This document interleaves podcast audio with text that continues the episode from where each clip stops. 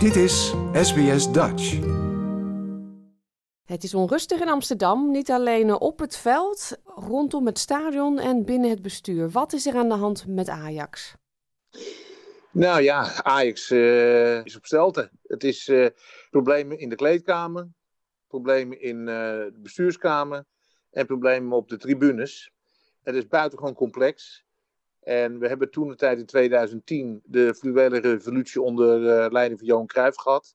Maar ik kan je vertellen, Paulien, dit is vele malen complexer. Omdat het is niet echt een boegbeeld of een leider die de boel bij de hand neemt. Het is echt ze weten niet waar ze beginnen moeten. Het, is een, lijkt wel een soort van visieuze cirkel. Dus ik kijk ook aan de zijlijn toe hoe dit zich gaat oplossen. En ik ben heel uh, beducht voor de toekomst. Ja, die kleedkamer, bestuurskamer en op de tribune, dat heeft allemaal natuurlijk met elkaar te maken. Want als het een niet goed gaat, dan zijn de anderen ontevreden. Um, om te beginnen, welk, welk puntje wil je er als eerste uithalen? Ik ben altijd zo verbaasd met hoe, hoe, de, hoe fans tegenwoordig denken dat zij het voor het zeggen hebben. Nou, ik geef niet zo hoog op voor de fans van Ajax hoor. Want voor mij is al het dieptepunt van 2023 dat uh, in mei Edwin van der Sar door 50.000 uh, Ajax-supporters werd uitgefloten. Nou, er is geen enkele club in de wereld die, uh, die zijn hoofd haalt om uh, zo massaal tegen, zich tegen een clubicoon te richten. Ik geef je aan, dat zal bij PSV nooit gebeuren, bij Feyenoord niet. Maar dat het bij Ajax wel is gebeurd, is veelzeggend. Dat vond ik al iets dat ik dacht van, deze club is echt ziek. En ja, we hebben het in Nederland heel veel over het Ajax-DNA. Ik heb altijd gezegd dat Ajax is geen voetbalclub, maar een club van voetballers. En dat was ook de insteek bij de fluwele revolutie onder leiding van Johan Cruijff in 2010, 2011. Dat was om dat evenwicht binnen die club weer uh, te brengen. Want de voetballers hebben Ajax gemaakt tot wat het is. En in 2011 was dat al aangetast. En heeft Johan heeft toen uh, getracht om uh, dat evenwicht binnen die club weer terug te brengen. Wa waardoor een groep mensen aanwezig is die ook de ziel van de club bewaken. En dat was toen de tijd met acht oudspelers in de ledenraad. Er was een technisch hart van vier personen. Edwin van der Sar, Overmars, Wim Jonk en Dennis Bergkamp. Die dan zeg maar, technisch beleid zouden controleren, ook bij elkaar. Er zou geen enkele transfer gedaan worden buiten toestemming van de vier leden van het technisch hart. En er zaten ook twee uh, oudspelers, Leverwijk en Theo van Duivenbode, in de RVC. Dus totaal 14 mensen. Wat zie je dus nu, 12 jaar later, dat, uh, dat die 14 die er toen waren, binnen de club gereduceerd zijn na het vertrek van Edwin van der Sar tot nul. Nou, daar zit de kern van het probleem. En ook nu weer, er zijn nu wat mensen afgevoerd. En er komen nu twee nieuwe commissarissen erbij. En wat zie je? Het zijn Leeuwenwijk en Maaike van Praag. Dus weer geen twee voetballers. Dus die voetballers in de leiding blijven op nul. Dus het, probleem wordt niet bij de wortel aangepakt. Ik noem het, het symptoombestrijding. En ik ben heel beducht voor een uh, stoelendans. Want toevallig zag ik van de week, stuit ik op een rapport van Tjöla Ling. Die heeft toen een opdracht van de Raad van Commissarissen in november 2015 het plan Cruijff doorgelicht na drie jaar. En die had, die, zelf, met dat link met Johan Cruijff dat plan uh, geschreven, het technisch rapport Ajax. En dat gingen ze drie jaar later gingen ze dat checken binnen de club. Nou, dat was vernietigend. En ook dat er geen communicatie tussen de diverse units binnen de club. Er werden transfers zelfs via sms'jes afgerond. Uh, er waren transfers, er was ook een, een, behoorlijke gele kaart voor Mark Overmars voor een hele rits uh, verkeerde aankopen. En dat was in november 2015. En ik merkte al een jaar vijf geleden dat het helemaal de verkeerde kant op ging. En het werd gecamoufleerd door de spelers die eigenlijk door de Kruifrevolutie, uh, waar het accent was gelegd op, op de toekomst, bij de opleiding, die kwamen toen door. Dat waren toen onder andere Matthijs de Ligt en Frenkie de Jong. Daar werd nog geld aan verdiend. En dat camoufleerde dat er dus achter de schermen eigenlijk het hele technisch rapport, het hele plan wat in 2011 geïntroduceerd werd binnen de club, helemaal is losgelaten. En dat zie je dus nu ook bij de discussie die gevoerd wordt. Want, kijk, Sven Mislintat, de weggestuurde technisch directeur die voor 115 miljoen aan miskopen heeft gedaan, die heeft alles in zijn eentje kunnen doen. Hoe kan dat? Een speerpunt van beleid in het rapport was een technisch hart van vier mensen. Waarom is dus nooit dat Wim Jong vertrokken is. Waarom is zijn positie niet uh, door een ander ingenomen? Toen Dennis Bergkamp vertrok, waarom is hij niet vervangen? Toen Mark Overmars vertrok, waarom is hij niet vervangen? Dus kortom, ook dat eh, kan je de Raad van Commissarissen aanrekenen. Wie heeft ooit het authentieke bedrijfsplan, uh, het nieuwe plan om Ajax omhoog te liften, wie heeft het gecontroleerd? En dan is het ook natuurlijk redelijk bizar dat iemand als Leo van Wijk terug wordt gevraagd. Want die heeft een lange periode. Zat hij ook in de raad van uh, commissaris Sterk, was ook voorzitter. En heeft het ook allemaal laten gebeuren, waardoor als je het vergelijkt met uh, 2011, wat, uh, wat de ideeën waren, de, de, de kritiek van Chola Ling op de uitvoering in 2015, er is 0,0 mee gedaan. Dat is dus nu het, het, bizarre. Er zijn zoveel mensen verantwoordelijk, want de leden hebben erbij gezeten, de bestuursraad heeft erbij gezeten, de raad van commissarissen hebben erbij gezeten, en ze hebben het allemaal laten gebeuren. En nu lijkt het op een soort van stoelendans van mensen die allemaal mede verantwoordelijk zijn die nu gaan meedenken in de oplossing van het probleem wat ze zelf hebben veroorzaakt.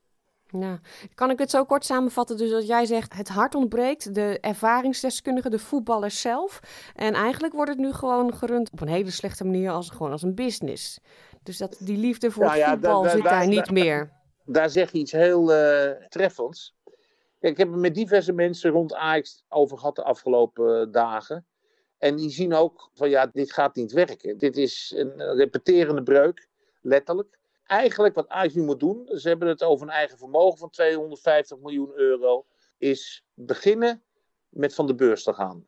27% van de aandelen van Ajax zijn nog in handen van externe. 73% is in handen van de vereniging zelf, waardoor ze altijd controle over hun eigen vereniging houden. Maar 27% is in handen van uh, externe. En dat is ongeveer, om die af te kopen, kost tussen de 50 en 75 miljoen. Want de beurswaarde van Ajax zit rond tussen de 180 en 200 miljoen. Dus je bent ongeveer 50 tot 75 miljoen euro kwijt om die mensen uit te kopen en van de beurs te gaan. En dat ontslaat je van de plicht om bestuursleden aan te trekken volgens de beursregels en niet volgens zeg maar, de, de, het kloppend hart en het gevoel van de club.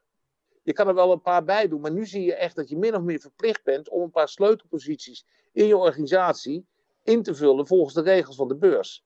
Dus om Ajax weer dichter bij zichzelf te brengen, zou je eerst van die beurs af moeten. Alleen het, het wrangen is, dat ik, zit nu al een week lang naar het kakel en het uh, gepraat en het gediscussieer over van alles en nog niks te luisteren. Maar nog niemand heeft het bijvoorbeeld over de beurssituatie gehad.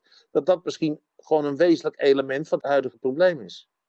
Mm ja. um, nou zei je net al, hè, dat plan van Cruijff. Rond die tijd werd Ajax ook uh, vier keer achter elkaar uh, kampioen, landskampioen. Um, vorig jaar was het Feyenoord, maar de paar jaren daarvoor was het ook Ajax nu zijn de fans natuurlijk helemaal niet blij. Vooral, uh, het werd natuurlijk heel pijnlijk tijdens de klassieker.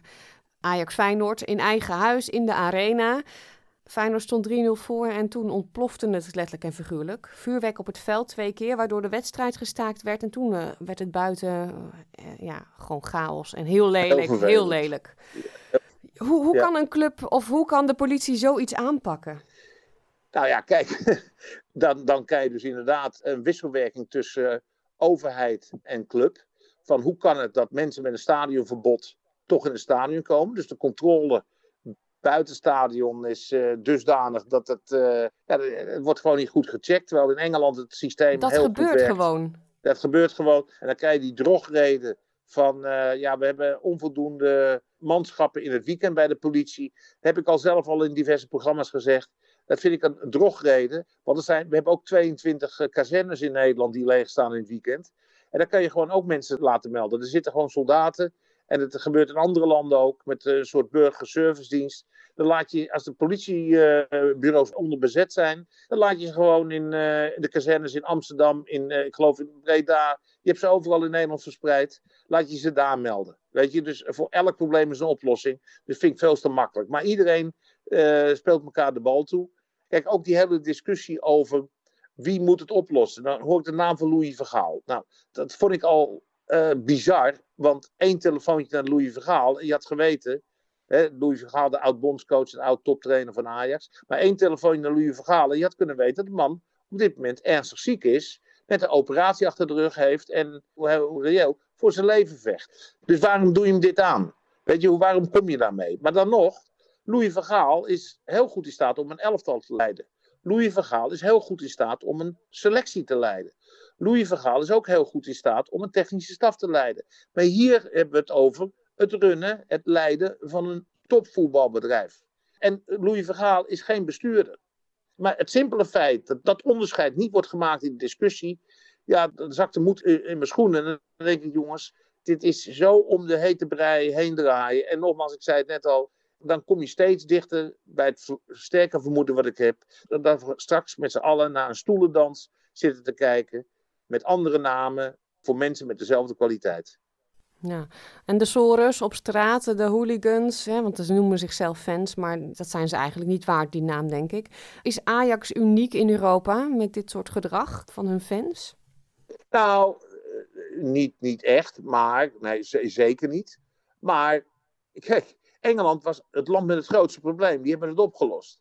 In Nederland zijn ze al niet, eh, niet in staat om het allereerste aspect van de controle gewoon goed uit te voeren.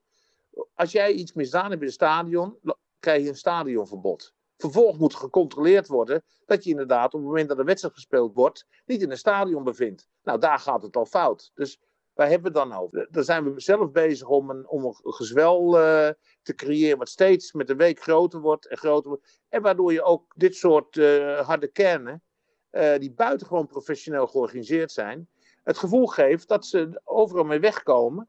Ja, en, en ze gaan zich met de week sterker voelen. Dus je creëert zelf een probleem wat bijna niet meer te, te, te handelen is. Nee, nee.